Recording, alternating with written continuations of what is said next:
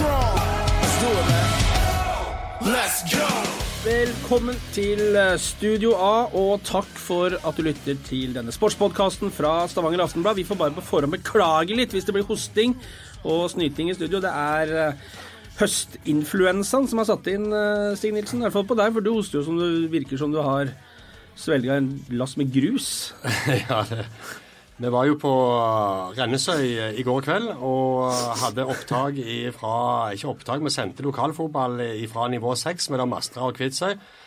Og jeg må innrømme at det ble kaldt utover kvelden. Det regna kattunger fra himmelen. Og jeg kjenner litt i dag at det ble kaldt, ja. Men vi er på jobb. Er på jobb, eh, og det blåste ikke, men eh, Dette er en sterk språklig overgang her. Det blåser en voldsom medvind eh, over toppidretten i Stavanger om dagen. Vi har Viking ligger på femteplass i Eliteserien i fotball. Stavanger Oilers leder Eliteserien i ishockey. og setter ny rekord faktisk for hver seier de tar. Stavangers kvinnelag i ishockey de topper også sin eliteserie. Og så har vi Vikings herrelag i håndball for menn som topper førstedivisjon. Og så har vi med oss en fyr i studio i dag som er glad i å vinne. Tore Kristiansen, det, det liker du? Ja, det er jo derfor vi holder på, selvfølgelig. Eh, jeg er nok mer glad i å skape enn å vinne, men hvis du skaper godt, så vinner du. Det er liksom det som har vært mitt mantra. Så vi har brukt noen år på å sette oss i den posisjonen som vi har kommet i når det gjelder Oilers. Og det, det er jo litt ferskvære det vi driver med, så nå husker alle bare gullhjelmer og gulldresser og den type ting. Men, men, jeg har jo hatt situasjoner, og det er ikke så veldig langt tilbake i historien heller, hvor jeg egentlig tar fullt bensin om natta. Fordi at når du står på Statoil på Hinna og folk kommer forbi og vi har hatt to år med tørke, så får du høre det, og da, da er det sånn midnattsfylling av tanken. Du, du, står ikke i gulldressen midt på natten? Nei, jeg gjør ikke det. Da er det, det er viktig å justere seg litt i forhold til tabellposisjonen, selvfølgelig. Velkommen til podkasten. Takk. Uh, var egentlig det jeg skulle si før du tok ordet. Uh, styreleder og hovedaksjonær i, uh, i Oilers. Uh, og så virker det som du titta meg litt i papirene, for her har jeg notert at jeg regner med at du kommer i sivil, men jeg lurer på hvor er gulldressen? Gulldressen henger klar. Han har vel vært klar lenge. Eh, men, men i, ja, jeg, jeg, har ganske sterk tro på at han kommer i bruk i, ja. denne sesongen. Ja. Du, eh, vi må gå eh, et snaut to år tilbake i tid. Da kom jo jeg, en landsens gutt, jordnær fyr fra det indre strøk på Østlandet, kom hit. Skulle ha mitt første sit-down-intervju med deg ute på kontorene deres SFF. Ja. Og så eh, Da lugga det jo litt for Oilers. Det gikk jo ikke helt, eh, helt, sånn som vi var vant til at det gjorde. Så husker jeg spurte deg, Tore, hvor lenge dette kunne fortsette før det fikk noen konsekvenser for satsingen. Da satt du, hadde armene i kors, og så sa du det skal du slippe å oppleve, Kjetil, for så dype lommer har vi. Ja, og det er jo faktisk sant. og nå, nå, leste jeg, nå var jeg jo så heldig at jeg leste Stavanger Aftenblad òg i dag, og nå skulle jo lønna mi gå opp. Da sto oljelønningene skulle til himmels, så det er jo et godt tegn på at tingene går bra. Er ikke det perfekt, da? Absolutt. Men, men, litt tilbake til det. Det er klart at um, når jeg kasta meg inn i denne hockeyverdenen for 15 år siden, og vi begynte å investere i lag, så, så, var det nok mange som rista på hodet og lurte på hvor lenge det kom til å vare. Mm. Eh, og det, liksom, det ble litt sånn vi, vi var against the establishment, og, og hvor dype er disse lommene, og hvor mye alvor mener en med det vi mm. holder på med. Nå 15 år etterpå så tror jeg vi kan legge den pucken død, egentlig. For vi kjører, og målet om at klubben skulle leve av seg sjøl er vel nærmest alt nådd. Og det, eh, nå handler det bare om å forsterke. Eh, vi skal komme innom mange av disse tingene underveis, men eh, dere rota litt i lommene før denne sesongen og fikk stabla på beina et lag som nå ser ut som et mesterlag igjen. Ja, vi flytta litt på disponeringene våre. Jeg vil heller kalle det det, da. For det, vi, vi, har hatt en sånn årlig foreteelse når vi er offseason at vi investerer ganske tungt i anlegget vårt. For vi har en, et ønske om at hver gang du kommer tilbake, så skal du få se og oppleve noe nytt òg på anleggssiden. Eh, det gjorde vi mindre av i forkant av den sesongen vi starta opp nå. Og så flytta vi noen kroner mer over på sport, fordi at vi mente det var det som måtte til for å komme tilbake der vi hører hjemme. Ja, altså det Tor Kristiansen kom jo inn med fund og klem i hockeyen for uh, rundt 15 år siden, som han sier. Og brukte vanvittig med, med penger av egen lomme uh, de første åtte-ti årene for å bringe Oilers der de er i dag, da. Så var det en overgangsfase der med å få bygd DNB Arena, hvor det ikke var eh, masse rike aksjonærer eller et stort selskap bak det som de holdt på med.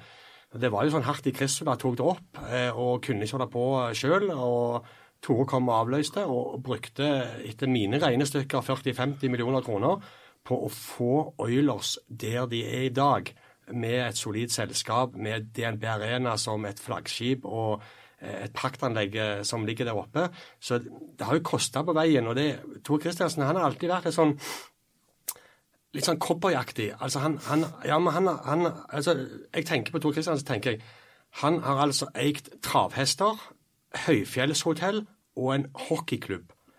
Det er, det er, en bra portefølje, altså. Ja, nei, det, det, er jo sånn. de tre tingene som altså De sier det, de tre tingene er jo ikke den kjappeste veien til konkurs, men den sikreste. Så du skal ha, For å drive i de tre bransjene, eh, så skal du ha litt lommer, som han sier. Men ikke, ikke, minst at han er villig til å ta risiko i det han, han, liker, og det han holder på med, og det som ligger han, hans hjerte nærmest. da. Mm. For jeg tror, jeg tror, at mye av eh, årsaken til at Oilers har lykkes, det er å ha en gal mann med penger og lidenskap og våge å gå mot etablerte sannheter for å få til noe. Det tror jeg er viktige ingredienser.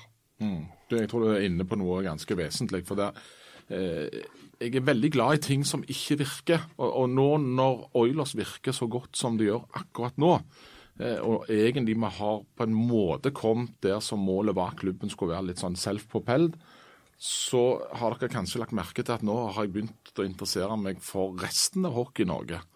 Fordi at Oilers kommer ikke til å virke i lengden hvis resten av Hockey-Norge ikke virker.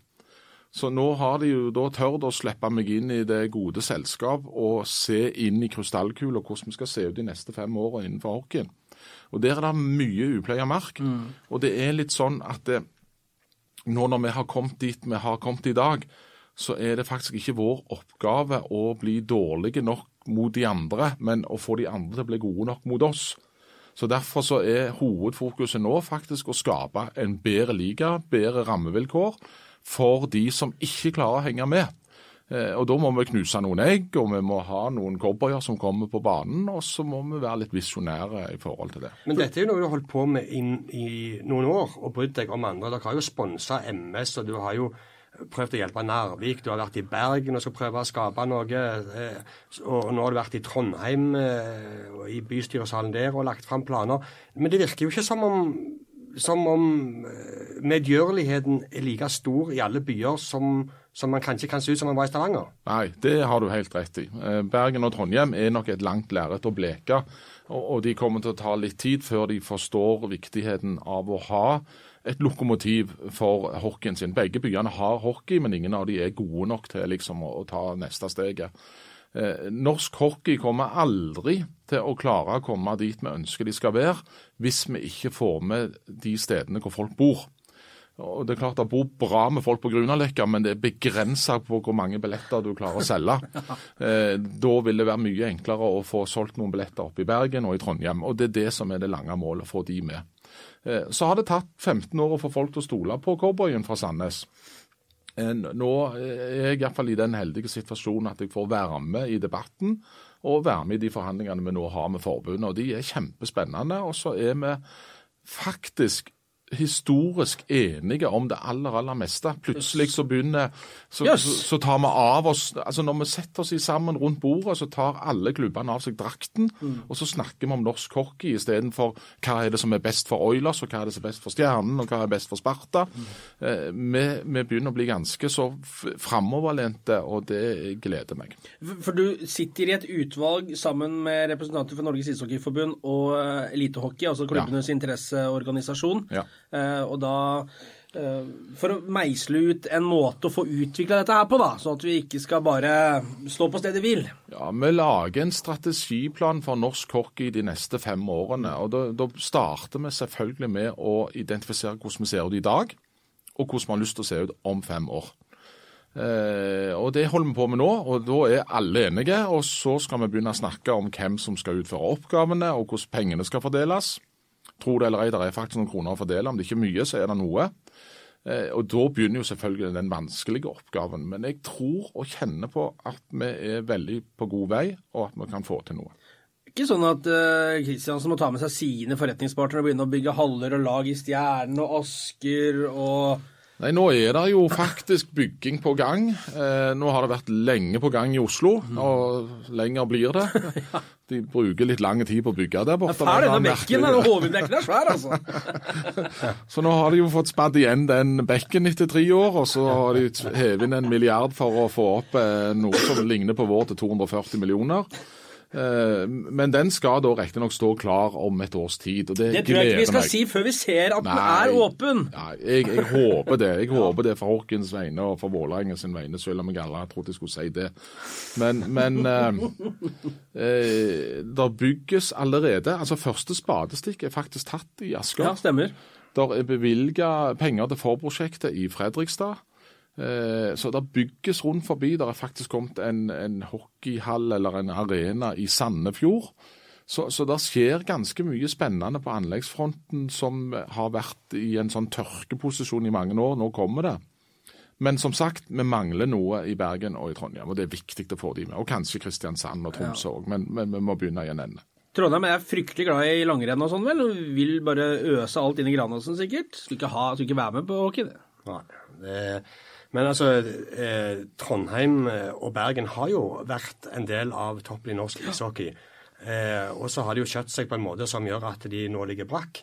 Eh, det er jo ikke så lenge siden jeg altså, Tikk var jo motstanderen til Oilers for 15 år siden, når, når ja. folk lå i telt ut forbi Siddishallen ja. natten før kvartfinalen mot TIK, den avgjørende kampen, for å sikre seg billetter til, til oppgjøret i Siddishallen. Ja. Altså, det var, det, var, det var, scener, det var helt vanvittig. Jeg skjønte ingenting. Jeg lurte på om det var sånn suppeutdeling eller hva, ja. det, hva som skjedde ut forbi hallen når du kom opp der. Det var liksom enorme mengder. og jeg tror, det, jeg tror gjerne òg det var noe som, som vekka Oilers. altså Så viste jeg potensialet her i denne byen for, for Tore og gjengen. Eh, det som skjedde den gangen. Og da, og da husker jeg eh, den All respekt for TIK og Trondheim ishockey, men de hadde på en måte en sånn inngang, en, sånn, en litt sånn arroganse og en litt sånn nedlatende holdning til, til Oilers, som var, var en sånn kasteball i hockeyen. Sant? Det var ingen som tok de skikkelig seriøst. De reiste til Stavanger for helst på lørdagskamper, for da kunne de gå på, på nattklubben etterpå.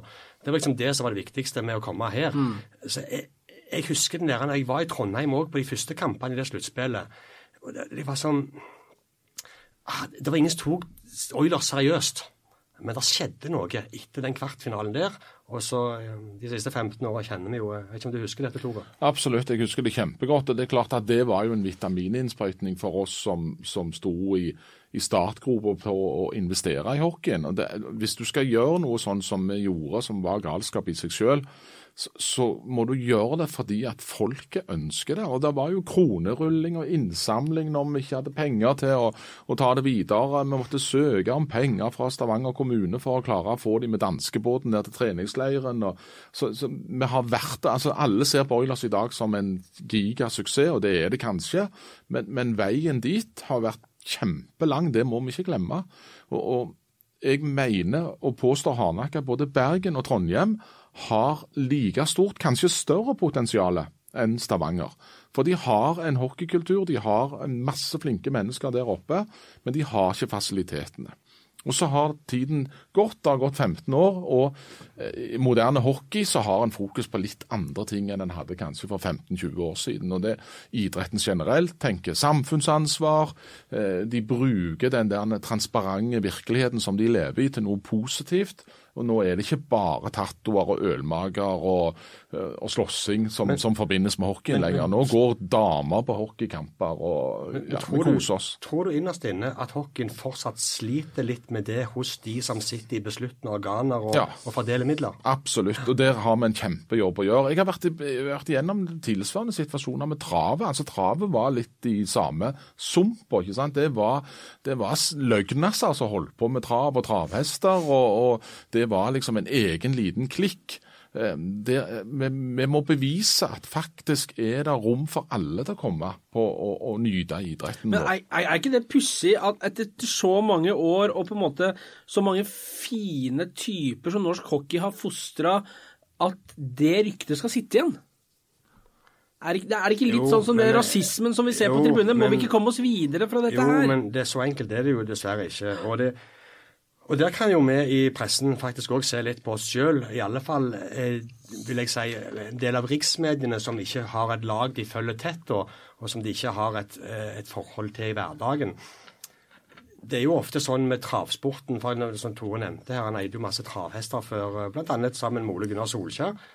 Eh, så oppslagene som kommer i media, er når det er en skandale. Absolutt. Eh, så det som den hvermannsen og den gjengse mannen i gata får med seg, er jo når det er bruduljer og turbulens og ting som, som ender i en rettssak eller fengsling eller, eller skandaler. Så det, det, nok, det henger nok litt igjen, altså. At det, men i Stavanger så er det jo ingen som er i tvil om at hockeyen og det som Oilers har gjort for denne byen, er positivt og sunt. Det er jo bare å gå opp en, en lørdag eller en kveld og se på hvordan yngler med unger på en haug med isflater. Men det er klart, altså, disse videoene og bildene av spillere som slåss på isen, la få, lov å holde på, og så, sånne ting det, For de som ikke er interessert, så henger de inntrykkene for mye igjen i forhold til det som er virkeligheten, tror jeg.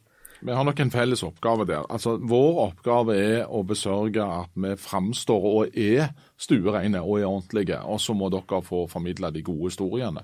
Så, så det er klart at det med slåssing er, er noe som vi har, tar avstand ifra. Av og til skjer det, men, men det er ikke det som Det er er knapt slåssing lenger. Nei. Du har jo henta tilbake han som liker å Ja. Han har jo slutta å slåss. Ja, er jeg så det mot så- Narvik. Du ikke være med. Han ville ikke han. Nei, Nei, men det er bra, det. han har ikke hørt om spillerne engang. Han gidder ikke slåss med de som han ikke kjenner navnet på. Det Men det er jo et paradoks, fordi at det er rykte. Men for oss som på en måte var det? Hopen han het. Ja, Eirik Hopen er helt riktig. Jeg hadde ikke hørt om Jeg kunne ikke navnet på han Nei, det er et godt poeng. Nei. Hopen fikk gå. Men for oss som er oppe, og, og det gjelder jo for mange rundt om i, i, i landet, det, så er det er en gjeng med skolegutter. Det er jo kjempefine gutter. Det er ikke noe vondt i noen av de. Nei da, de er ydmyke og flinke og glade i idretten sin og, og jobber hardt. Så- Og så er de gode, for nå har, eh, nå har Oilers vunnet ni strake kamper fra sesongstart. Ny klubbrekord. Og så møter de Storhamar på Hamar i morgen lørdag. Hvordan har det vært å følge den sesongstarten her, Tore, etter en ordentlig fiaskosesong og en sånn, skal vi kalle det en mellomsesong i, i fjor? Hvordan har det vært eh, i år for deg? Nei, det har jo selvfølgelig vært gøy. Eh, Det, det, vi lyver hvis vi sier noe annet. Altså Hvis du spør oss eller guttene, så sier vi ja, vi teller ikke liksom den der seiersrekka og sånn, men da lyver vi så det renner av oss. For det er bare tull. Det er klart at vi har fokus på det. Jeg kommer fra hallen nå. Jeg traff Todd på vei ut av garderoben fordi at nå skal de av gårde til Hamar. Og, så, og det siste jeg sier til han, du er klar over at jeg liker best tosifra, så ni er for lite, liksom. Så, så, og så ler han, og så er han klar over at vi går for den tiende. Og så vet vi at det blir en tøff oppgave.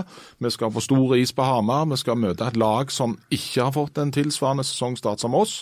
Og de har noe å bevise, så vi får ta det vi får, men, men det har vært dritgøy å levere igjen. Nå kom jo også meldingen fra Hamar Tore, om at de har starta kronerulling for å hente en ny bekk.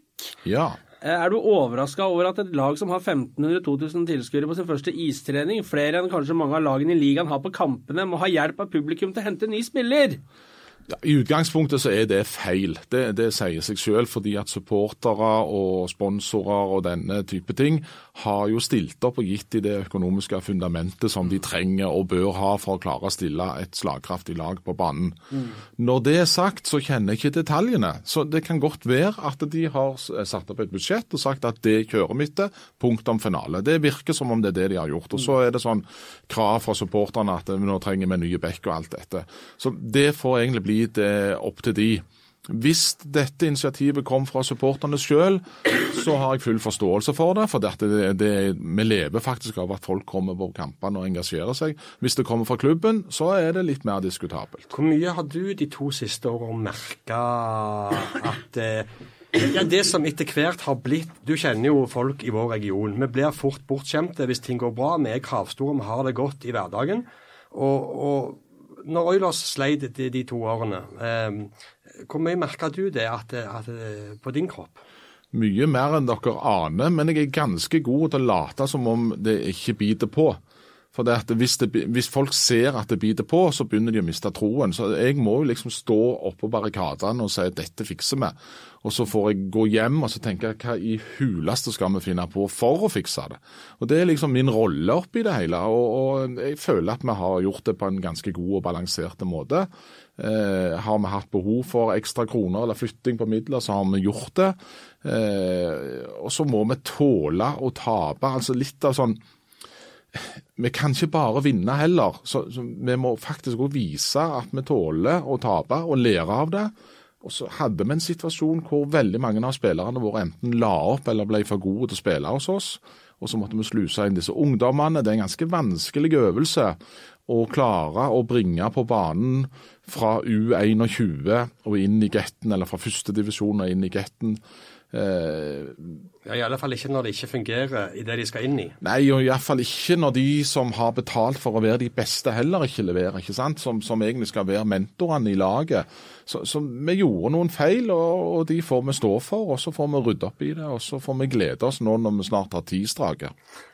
Uh, det er ikke mer enn noe 24 timer men, men, dette her med altså Du drar det jo inn litt på den, den virkelige fiaskosesongen. Der Sjetteplass var vel 43 poeng bak Storhamar og, og, ut i kvartfinalen.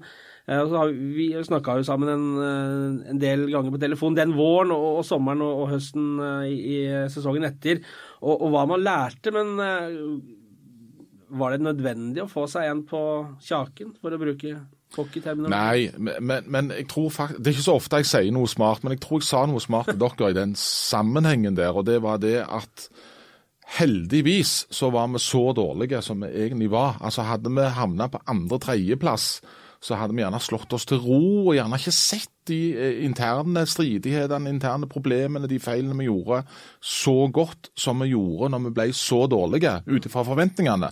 Ikke, jeg sier ikke det er veldig dårlig å bli nummer seks eller ryke i kvarten, for, for de som gjør det hvert år. Men for oss, for oss var det veldig dårlig. ble mye dypere ja, klart han, klart han ble det. Så jeg var på en måte sånn Jeg var ikke glad når vi ble nummer seks. Men i ettertid så er jeg glad at vi ble nummer seks, for da var vi rett og slett nødt til å være Ja, dere ble slått knockout istedenfor ja. bare å få en liten lusing ja. på kinnet. For da kunne vi nok risikert og sagt at det var bare lite arbeidsuhell og gått videre. Men interne eh, stridigheter og uenigheter, hva, hva var det for noe? Nei, det var helt sikkert mange ting. Det var måten vi spilte på, og hvem som trente oss, og hvem som spilte på laget vårt, og brukte vi ungdommene for mye eller for lite, og alle disse vanlige tingene som, som vi krangler om hver dag. De vanlige kreftene, egentlig? De vanlige kreftene, ja, ja. ja. For det, vi kan aldri Ekstra sterke, ja, ja. Ja, ja. ja. Tore, hvor mye har du brukt på Oilers, da? Nei, det er det Stig som holder orden på. Men vi har han brukt, Stig? han har brukt Skal vi se, vent litt nå. Nei, hver gang jeg lurer på det, så ringer jeg til Stig, så ja. kan du være grei å summere. Oppi 52. Dette, det, jeg vet jo ikke nøyaktig sum som Tore har brukt, men jeg har et OK bilde av det. Oilers gikk med I rundt ti år så kosta det ca. fem millioner. Stemmer ikke det, Tore? Jo, vi ja. budsjetterte med å tape mellom fem og syv ja. hvert år, og traff hvert eneste år. det var sykt gode å budsjettere. Så at han har brukt 50-60-70 millioner på å få Oilers der i dag, det er, det er jeg nokså sikker på. Og husk at dette er jo dette er penger som er brukt på en annen måte enn de blir brukt i dag. For dette er penger som du putter inn i håp om å få noe på beina senere. Det tapte penger. Jeg er så glad for at du sier det, for ja. det, det, er en viktig diskusjon å ta. Fordi at alle trodde at vi bare heiv de ut for at vi ville vinne én gang, men vi hadde en lang plan, og det var ikke alle som så den. Og akkurat det har jeg lyst til at vi skal snakke litt om. for det, det på en måte så blir jeg litt overraska av det som skjer rundt Vålerenga akkurat nå. Jeg elsker å snakke om Vålerenga, spesielt når Ja, de gjør noe feil. Etterpå, spesielt men- når de gjør noe feil. Vi kan kjøpe Oslo.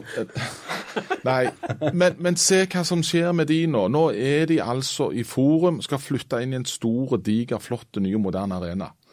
Og så investerer de ikke i sport og laget sitt nok til at de skaper det engasjementet som gjør at folk ligger og sover i telt utenfor hallen.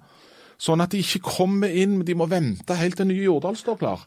Og, det forbauser meg, for det, jeg er jo ikke en toppidrettsutøver som har blitt forretningsmann. Jeg er en forretningsmann som har blandt meg inn i noe som heter toppidrett.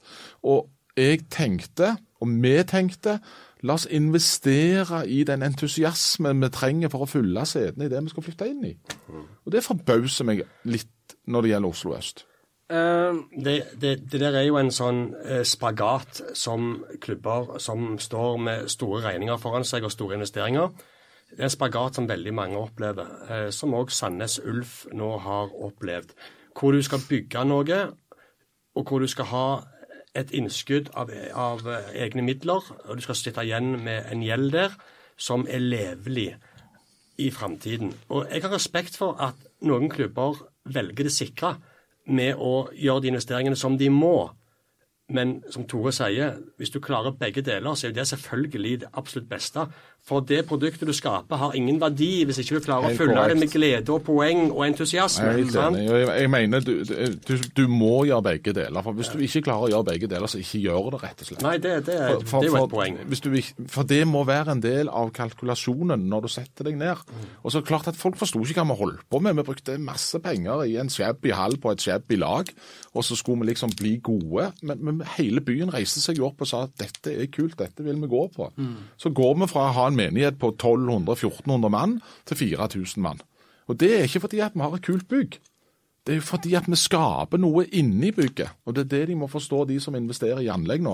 At du må faktisk lose inn nok folk, så at du har noen til å sitte på de setene som du bygger. Ja, det er jo det er for disse menneskene du lager bygget. Ja, helt korrekt. Din gamle øh, venn, uvenn og kollega Jan Tore Kjær i Vålerenga sa jo lenge før de begynte å tette igjen den Hovinbekken, som, eh, som eh, viser seg å være utfordrende nok, at vi lever og dør med Jordal Amfi, altså OL-hallen fra 1952-OL i Oslo. Eh, og de hadde jo den hallen i, i eh, over 60 år, Vålerenga. Og mens Vålerenga, som på en måte er Norges, en av verdens mestvinnende lag Ja, eh, All ære for det. de har nå slitt i flere år med å få nye Jordal på plass. De er i Furuset Forum med plass til 1200 mennesker og, og, og, og sliter der oppe. Oilers bygde seg opp, fikk en ny hall, fylte den med et godt lag, entusiasme. Eh, du har tidligere sagt at du forvalter regionens stolthet, og det er vel litt sånn det føles der oppe også. Hvilke tanker gjør det deg om hvor ulik retning disse to klubbene tok?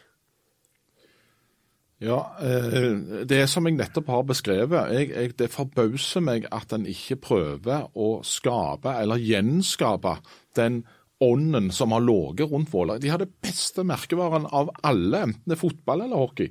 Men, men da må de faktisk få folk til å komme på kampene. for hvis du ikke har folk på stolene, så har du ikke inntekter. Verken av stolsalg eller setesalget eller popkorn og cola eller sponsorer. For hvem vil sponse noen som har tomme seter?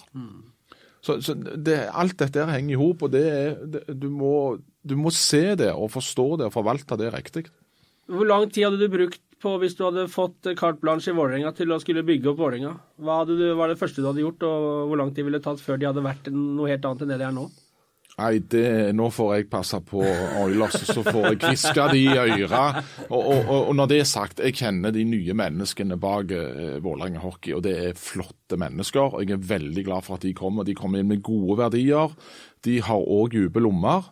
Eh, og, og vi har sittet rundt bordet, vi har fortalt dem hva vi har gjort, og gitt dem gode råd, og så får de forvalte de deretter. Det er jo, det er jo, jeg er jo ikke noen hockeymann, det, selv om jeg gikk i sittesalen som liten eh, med resten av luragjengen og, og sånne ting. Men det, det er litt sånn fascinerende å høre på. Eh, her sitter vi i Stavanger, eh, hvor vi har landets beste hockeylag tilbake igjen eh, etter å ha vært suveren i mange år. Og så sitter altså klubbeier og styreleder og forteller hvordan han ville hjelpe andre lag. Altså I fotballens verden, i andre idretter, ville det vært helt utenkelig at det var en sånn eh, kjærlighet, omtanke, for totalproduktet, hvor alle sitter og verner på sine hemmeligheter og blir best på si tue, så er det en helt annerledes tenkning i hockeyen, Tore. Ja, det er det, og heldigvis for det. Eh, Ja, men Det forteller litt om veien hockeyen har å gå. Ja, At dere ikke klarer å gjøre det én og én. Ja, men, men, men nå er det litt sånn at eh, når jeg sier noe og gjør noe, så har jeg alltid en baktanke med det òg. Og, og, og det er det de ikke skal forstå før det er for seint. Men, men jeg kan dele den med dere, siden det er bare oss tre Ja, i dette det. rommet. Det er lydtett òg her. Og det, det, nei, men da, da, er, da er det litt sånn at hvis Oiler skal klare å leve av seg sjøl de neste 10-15 åra, så kan vi ikke det hvis vi skal spille mot MS og Gryner og de lagene som ikke trekker folk. For det, er grenser for hvor lenge folk gidder å komme og se på det. Derfor så har vi nå brukt 15 år på å sette oss sjøl i den posisjonen som vi er i dag. Da må jeg bruke de neste 15 årene til å hjelpe de andre til å komme opp, sånn at vi får en jevn liga. Den dagen vi har en jevn liga, så står Oilers mye tryggere enn det de gjør i dag. For det, vi må ha noen å fighte mot, noen å spille Altså, konkurranse er bra for utvikling. Og når vi ikke har konkurranse, så må vi prøve å skape den selv. Jeg kan ikke, jeg kan ikke justere meg på plass og si nei, nå får vi bli like dårlige som de andre. Det blir feil. Vi lar la de andre få lov å bli like gode som oss, eller nesten like gode som oss. Når du snakker for, for representanter fra klubber på Østlandet hvor eh, 90% av ligaen holder til, da, eh, hvordan opplever du at eh, de lytter til deg? Tas det du sier godt imot? Er det fortsatt sånn at de tenker at du er en breial fyr fra Stavanger som har eh, heila vedet og, og vet alt, og dere får bare styre på, vi skal gjøre det på vår måte? Eller hvordan opplever du dette her? Nei, Etter 15 år så tror jeg de begynner å tro på det vi holder på med. her borte, og Det er det, det jeg syns er så kjekt med dette. For at nå sitter vi rundt et bord og er kollegaer. Vi ønsker Og vi starter med hva er det som er viktigst for oss nå? Jo, vi må ha et landslag som representerer Norge på en god måte i idretten vår. Og da, Nå er vi helt på grensen til at vi klarer å holde oss i A-pulja. Hva gjør vi for at vi forblir i A-pulja? Hva gjør vi for at det ikke bare er flaks at vi overlever? Så, så vi må starte det, for det er fellesnevner. Det, det er alle enige i. Så når vi liksom har blitt enige om det, så får vi sette noen tiltak som gjør at landslagene våre representeres på en god måte. Og For å få til det, så må vi skape vekst i alle klubbene. Vi kan ikke ha et landslag som kommer fra Stavanger eller fra Jordal. Det hadde vært kjekt, da. Ja, det hadde vært jævlig kult. Og jeg, tror- og jeg tror vi hadde forblitt i A-pulja. for å si det sånn. Så kunne du alle landskampene på hjemmebane. Tore står og selger billetter i døra. 690 per stykk. Ja, hadde Nei, det. det hadde, det hadde ikke vært feil. Jeg Jo, er men du som vil se litt fram i tid og tenke inntekter, det er jo Nei, vi må, vi må skape eh, Ligaen vår er for ujevn, og det irriterer meg. Og det er faktisk en av de viktigste oppgavene når- du tar på Gateliga-brillene. Det, det er det. Oilers er altså det, den største klubben nå by far i, eh, i vår region, altså i omsetningsmessig. Så, så det er Ja, Det er jo faktisk målinger på eh, det vi holder på med. og Vi er nummer fem på landsbasis. og da er det tre På sponsor, ja. på sponsorinntekter. og Det er tre forbund over oss. ja, og Rosenborg. Og så har vi Rosenborg, og så har vi oss. Ja, det, det er helt Det er eh, ganske Men, men, men vi, kan ikke, vi kan liksom ikke lene oss tilbake og si når vi har vunnet ni kamper og vi er best på sponsor. For, for jeg tror ikke det varer hvis ikke vi ivaretar resten.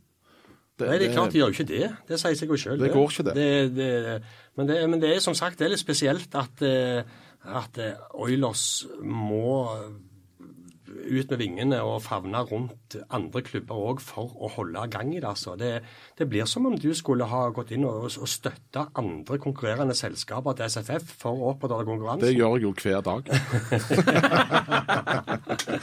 det er jo det jeg har lært det. Ja, men, men det, er, det er litt paradoksalt, hele greiene. Ja, det er veldig paradoksalt, men, men, men jeg, jeg tror egentlig- faktisk det er det eneste som nytter. Ja, men i starten så var det jo sånn at dere, dere håpte at, at det Oilers nå hadde gjort, viste at det var mulig for andre lag òg, Ja. og at det ville sørge for en sult, sulten, sulthet hos andre klubber da, til å komme etter. Og så er det jo det som ikke helt har skjedd, da. Nei, men det er i ferd med å skje. Heldigvis. Hvor mye involvert er du i det sportslige som skjer i DNB Arena, og ikke noe bortforklaring om at jeg ikke gjør det og sånn. Få høre. Hvor mye er du på kontoret til Bjørkstrand og sier hei, han skal spille der og sånn og sånn? Nei, vet du hva. Jeg går innom til Todd hver eneste kamp. Han har ei tavle, den har dere sikkert sett, hvor han har satt opp rekkene. Og så går jeg innom hver eneste kamp, og så kikker jeg på tavla, og så gjør jeg sånn med fingeren og sier 'toms up'. Og jeg har aldri flytta på ei brikke. Men han skal, han skal, vite at jeg er der, og at jeg mener noe. Men, men til og med hvis jeg er uenig, så er jeg enig, om du forstår. Men jeg er involvert i eh, prosessene når vi bygger lag. Så ærlige skal jeg være. Vi har jo ikke et sportslig utvalg. Det sportslige utvalget i Oilers er Paul Higsen eh, og undertegnede. Jeg har ikke så mye å bidra med i forhold til å finne spillerne, men når Pål har funnet dem, så diskuterer vi, og så sjekker vi, og så gjør vi våre kvalitetssikringer av dem som personer, og de rollene de har hatt tidligere i andre klubber, og den type ting. Er det sånn for deg at du ikke vil ha noen drittsekker, dyre drittsekker som du ikke helt veit at leverer poeng, eller hva er det du da på en måte dine innspill går på? Nei, Vi må ha mennesker som passer inn i vår garderobe. Vi skal ikke ha primadonner, og det, det, er vi veldig opptatt av. Nå har vi heldigvis eh, fått tilbake en del av de gode, gamle verdiene og guttene, og, og de har funnet seg sjøl. Og, og, og, da er det selvjustisen som korrigerer det. Hvis det kommer inn en eller med en voldsom CV og tror at han styrer garderoben, så får han beskjed av gutta. Mm. Jeg trodde du skulle hente Donati-burdene. Ja. men, men, men, går du inn i garderoben etter en fiasko, eh, tredje tapet på rad, eller går du inn og gir beskjed til spillere? Altså Går du inn og, og, og liksom sier at her er jeg, jeg følger med dere, og det er jeg som faktisk kan uh, gjøre endringer her? Nei. Tar du den av og til? Nei, jeg går alltid i garderoben. Det eneste gangen jeg ikke går, er etter en kamp hvor vi har tapt. For da, de er så flinke og så disiplinerte at når vi taper kamper, så går de inn og så jobber de med seg sjøl og så tenker de hva i huleste var det som skjedde. Men, men, jeg er alltid inne i garderoben før match, og jeg er alltid inne i garderoben når vi har vunnet og deler gleden med dem. Og så holder jeg meg vekke når vi taper, for det er faktisk ikke min jobb å fortelle dem hva som gjorde at de tapte. De vet det sjøl. Det går en historie om at du har vært inne i garderoben en gang hvor det var fryktelig ilter og tok av kapteinspinnet på en spiller. Stemmer det? Nei, det kan jeg aldri tenke Nei, det, det, kan ikke stemme. Men, men, men jeg samler troppene når vi, når vi, møtes. Det første vi gjør før vi går på is, er at vi har en samling. og Da gjør vi noe kjekt sammen med guttene. Eh, og Da har jeg som regel en times innlegg om samfunnsansvaret vårt, og fordele arbeidsoppgaver i forhold til det. For det er det som er klubben sitt DNA. Det ligger alltid i bånn. Det er egenkapitalen vår. Hvis vi har en god klubbkultur som ligger i bånn, så tåler vi å tape både én og to og tre ganger, faktisk én og to år. Hvis vi har de verdiene i bånn. Og Det er det jeg brente inn i nudder på de. Det øvrige er det jo folk som har kompetanse til å ta seg av, så det blander meg ikke opp i. Er du fornøyd med det overskuddet som Oilers genererer. Nå har dere hatt underskudd òg, da, men eh... ja, Egentlig ikke, for det er igjen så flytter vi på penger. Vi betaler 7,5 ja. millioner i husleie til oss sjøl. Ja. Så, så det, det, det er fordi dere har to selskaper, sant? Et drift og Ja, så, så egentlig så ser det ikke Men, men Poenget er at driftsselskapet skal levere overskudd. og Det har vi hatt noen år hvor de ikke har gjort, fordi at vi har ikke hatt folk på stolene, fordi at vi ikke har spilt gode nok hockey. Så enkelt er det. Men, men, men de har allikevel klart å betale husleier. Så hvis du slår alt i sammen, så ser det OK ut. Men, men, det er ikke sånn det skal være. Du er ikke helt fornøyd? Nei. Nei. Men ikke fordi at jeg trenger pengene, og ikke Nei, fordi at vi skal Men det er jo det store investeringer som er gjort her. Det er jo, der er jo uh, avdrag som skal betales. Absolutt, og det gjør vi. Ja. Men, men ser du for deg at Oilers altså, med, med bakteppet i alt det du har snakket om nå, om å holde dette gående og helst forsterke det, den suksessen som har vært. Du vil jo tydeligvis ha Oilers enda lenger framme, enda større omsetning, og enda mer suksess og enda mer konkurranse. Sant? Og løfte alt, alle, alle, nivåene. Selvfølgelig. Eh, nå kan vi jo risikere at jeg setter reken i halsen eller hvitvin i halsen i kveld og tilter og går i pennalet. Altså, du vet jo aldri hva framtiden bringer. Så, så, min misjon er jo å bygge en klubb og en klubbkultur som er helt uavhengige av eierne. Det er jo det som er det lange, gode målet. Derfor må vi tjene penger. Derfor må vi ha egenkapital. Derfor må vi ha noe som varer. Det hjelper ikke altså, Ingen som husker at vi har syv NM på rad nå, eller i, i, i beltet nå. Husker det. Ja, men, men, men, når du Det er på når du tar- Når du da taper to år, så er det det folk snakker om, ikke sant? Så det Er det, er det halve klubben du eier nå? Ja, litt i overkant av det. Men det, det er du som teller, ikke meg, vet du. Jeg, jeg, har ikke så mye å telle, jeg tror så dette holder orden på. Men en gang husker jeg, for 15 år siden så spurte jeg deg, stilte jeg et spørsmål. Eh, fordi du var ikke så opptatt av at du skulle eie mest mulig i Oilers, sa du.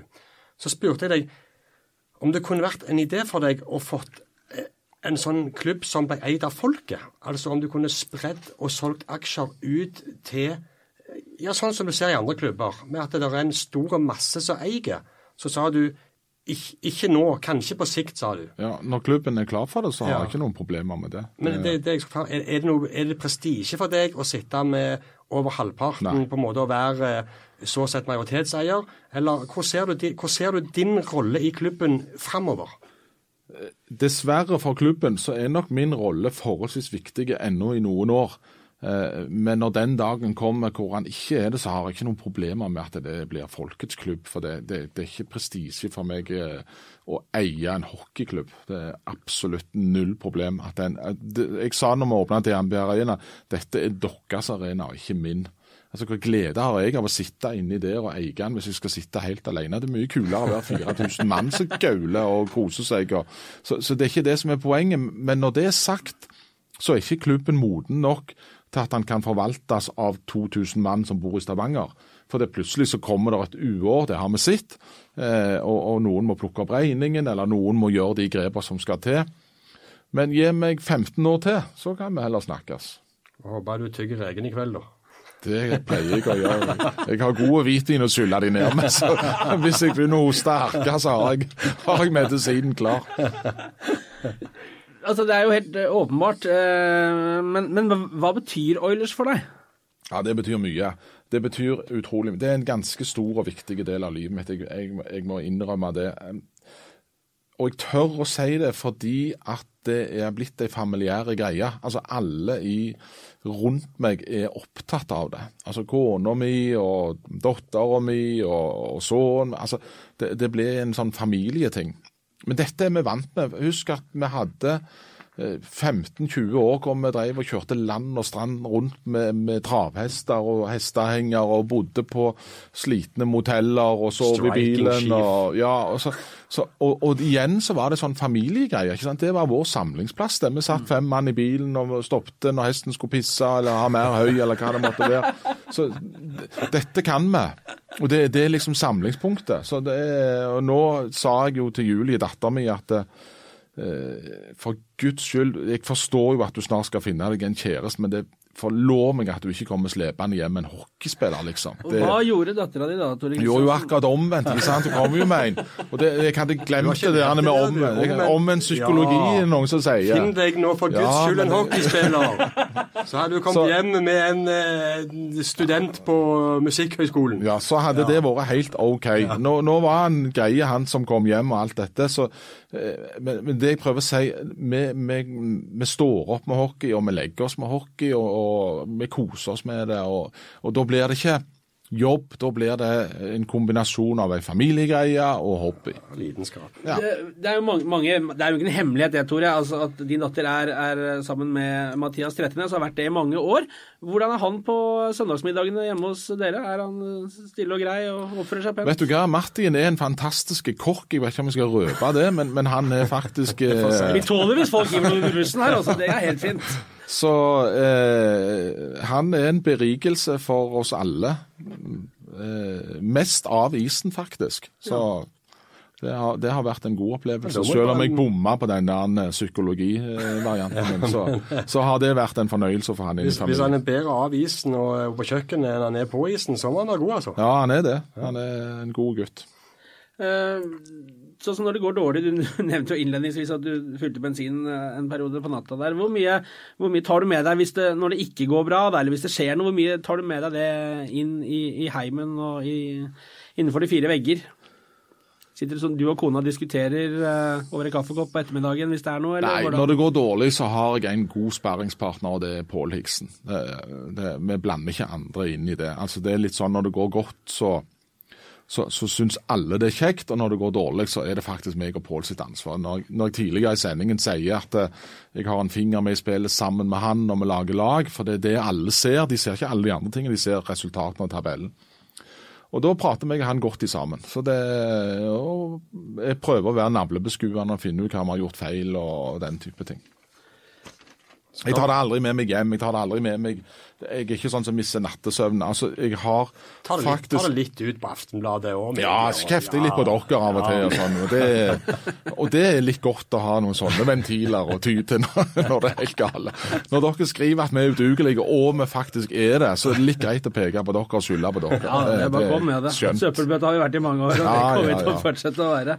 Neida, men, men nei, grunnen til at jeg, jeg får sånne type utbrudd, er jo fordi, fordi at det, det, blir så personlig, og du føler så veldig at du prøver å gjøre så godt du kan for å få det til å virke, og så får du liksom ikke noe drahjelp. Og så vet jo du også at eh, lista for Oilers den er eh, langt høyere enn for mange Ja, ja. andre klubber. Det forventes Vi leker den jo sjøl. ja, det forventes jo helt andre ting av dere. Vi leker den sjøl, og så skylder vi på dere når vi ikke når det. Det lever vi fint med. Klokka går veldig fort i, i, i lyst til lag. Vi må snakke litt grann om eh, Jeg kjente litt på det. Jeg fikk lyst på reker i kveld. Jeg, gjorde det. Og Fikk lyst på et glass vin. men- ja, ja, men det er Ja, lov på en fredag. Ja, det går, går an det på en fredag. Eh, vi har jo et fotballag eh, i, i Stavanger også, Tore. Viking eh, de har jo, det er mulig du har fått med deg det, men de har jo hatt litt behov for økonomisk hjelp de siste årene. Har ikke vurdert å gå inn eh, der, da? Nei, det har jeg ikke. Hvorfor ikke det? Er de ikke rike nok de ser rundt klubben? De må jo kunne klare det, de. Ja, men du de har- trenger ikke en fattig rørselger Ja, de, fra har jo, Sandnes. de har jo dype lommer, men det ser jo ut som de har fått dobbel søm i de nå. Altså, det er jo, de kommer ikke ned i de. Ja. Ikke alle, Nei, jeg får holde på med mitt, og så får de holde på med sitt. Men, men eh, slå i sammen eh, eh, de som sitter rundt bordet der, så ser dere at de har egentlig iallfall et utgangspunkt som er langt bedre enn det vi har i Oilers. Har ikke de samme lidenskapen for uh, idretten og klubben sin Det som kan du jeg har? ikke svare på. Jeg har ikke peiling. Nei, men, du- det du- som du gjør gleder deg jo meg noen er refleksjoner, du, du ser, leser jo sjøl hva som blir resultatet av emisjonene, og du leser jo tallene deres. ja. Nei, nei, det får de ordne opp i Eller er det selv. lutefisk-julebordet du er sammen med businesspartnerne du Nei, langt derifra. Jeg, jeg har masse meninger om det, og, og, og, og deler de gjerne med meg. Jeg, jeg, jeg tror at det som skjer ute i Jåttåvågen nå, er veldig sunt, faktisk.